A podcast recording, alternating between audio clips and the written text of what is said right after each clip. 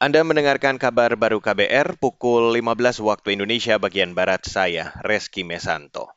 Saudara kalangan anggota DPR mendorong pemerintah merevisi peraturan Presiden nomor 191 tahun 2014 tentang penyediaan distribusi dan harga jual eceran BBM.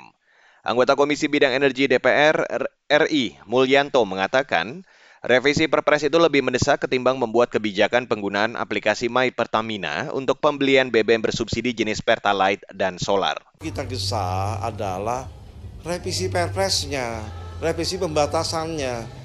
Ini kan sekarang belum jelas siapa yang berhak mendapatkan subsidi BBM, solar atau Pertalite. Ini kan belum jelas. Apakah motor saja bersama transportasi umum dan transportasi pengangkut sembako? Jadi seluruh itu tidak berhak. Kalau itu yang ditetapkan oleh pemerintah, maka kan nggak perlu rumit-rumit mengatur mana mobil mewah dan bukan mewah yang seperti dilakukan sekarang. Saudara itu tadi anggota Komisi Bidang Energi DPR RI, Mulyanto.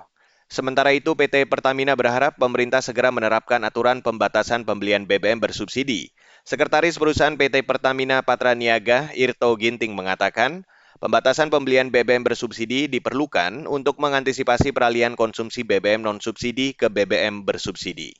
Beralih ke berita selanjutnya, Saudara, Lembaga Ombudsman RI menilai pemerintah kurang memitigasi dan memantau suplai bahan bakar minyak bersubsidi untuk nelayan kecil. Anggota Ombudsman RI, YK Hendra Fatika mengatakan, mitigasi dan pemantauan BBM bersubsidi sangat penting di tengah kondisi krisis energi saat ini.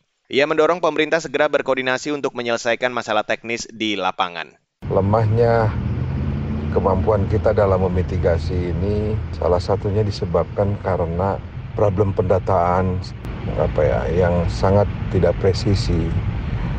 E, nelayan itu yang memiliki kapal tangkap di bawah 5 GT itu tidak ada datanya. Nah, sementara mereka lah yang saat ini mengeluhkan keberadaan solar. Anggota Ombudsman RI, YK Hendra Fatika juga menyinggung soal tandan buah segar kelapa sawit petani yang kurang terserap oleh industri. Padahal kelapa sawit petani bisa dioptimalkan untuk bahan baku biodiesel atau solar bagi nelayan. Ia mendorong pemerintah menelusuri penyebab sulitnya akses BBM subsidi kepada distributor BBM bersubsidi di daerah nelayan. Beralih ke Singapura, Saudara, kepolisian Singapura memeriksa lebih dari 300 orang terkait kasus penipuan. Polisi belum lama menjalankan operasi pengusutan kasus penipuan selama dua minggu penuh. Mereka yang diperiksa berusia antara 14 hingga 70 tahun. Diduga mereka terkait dengan lebih dari 800-an kasus penipuan, khususnya penipuan melalui internet atau komunikasi elektronik.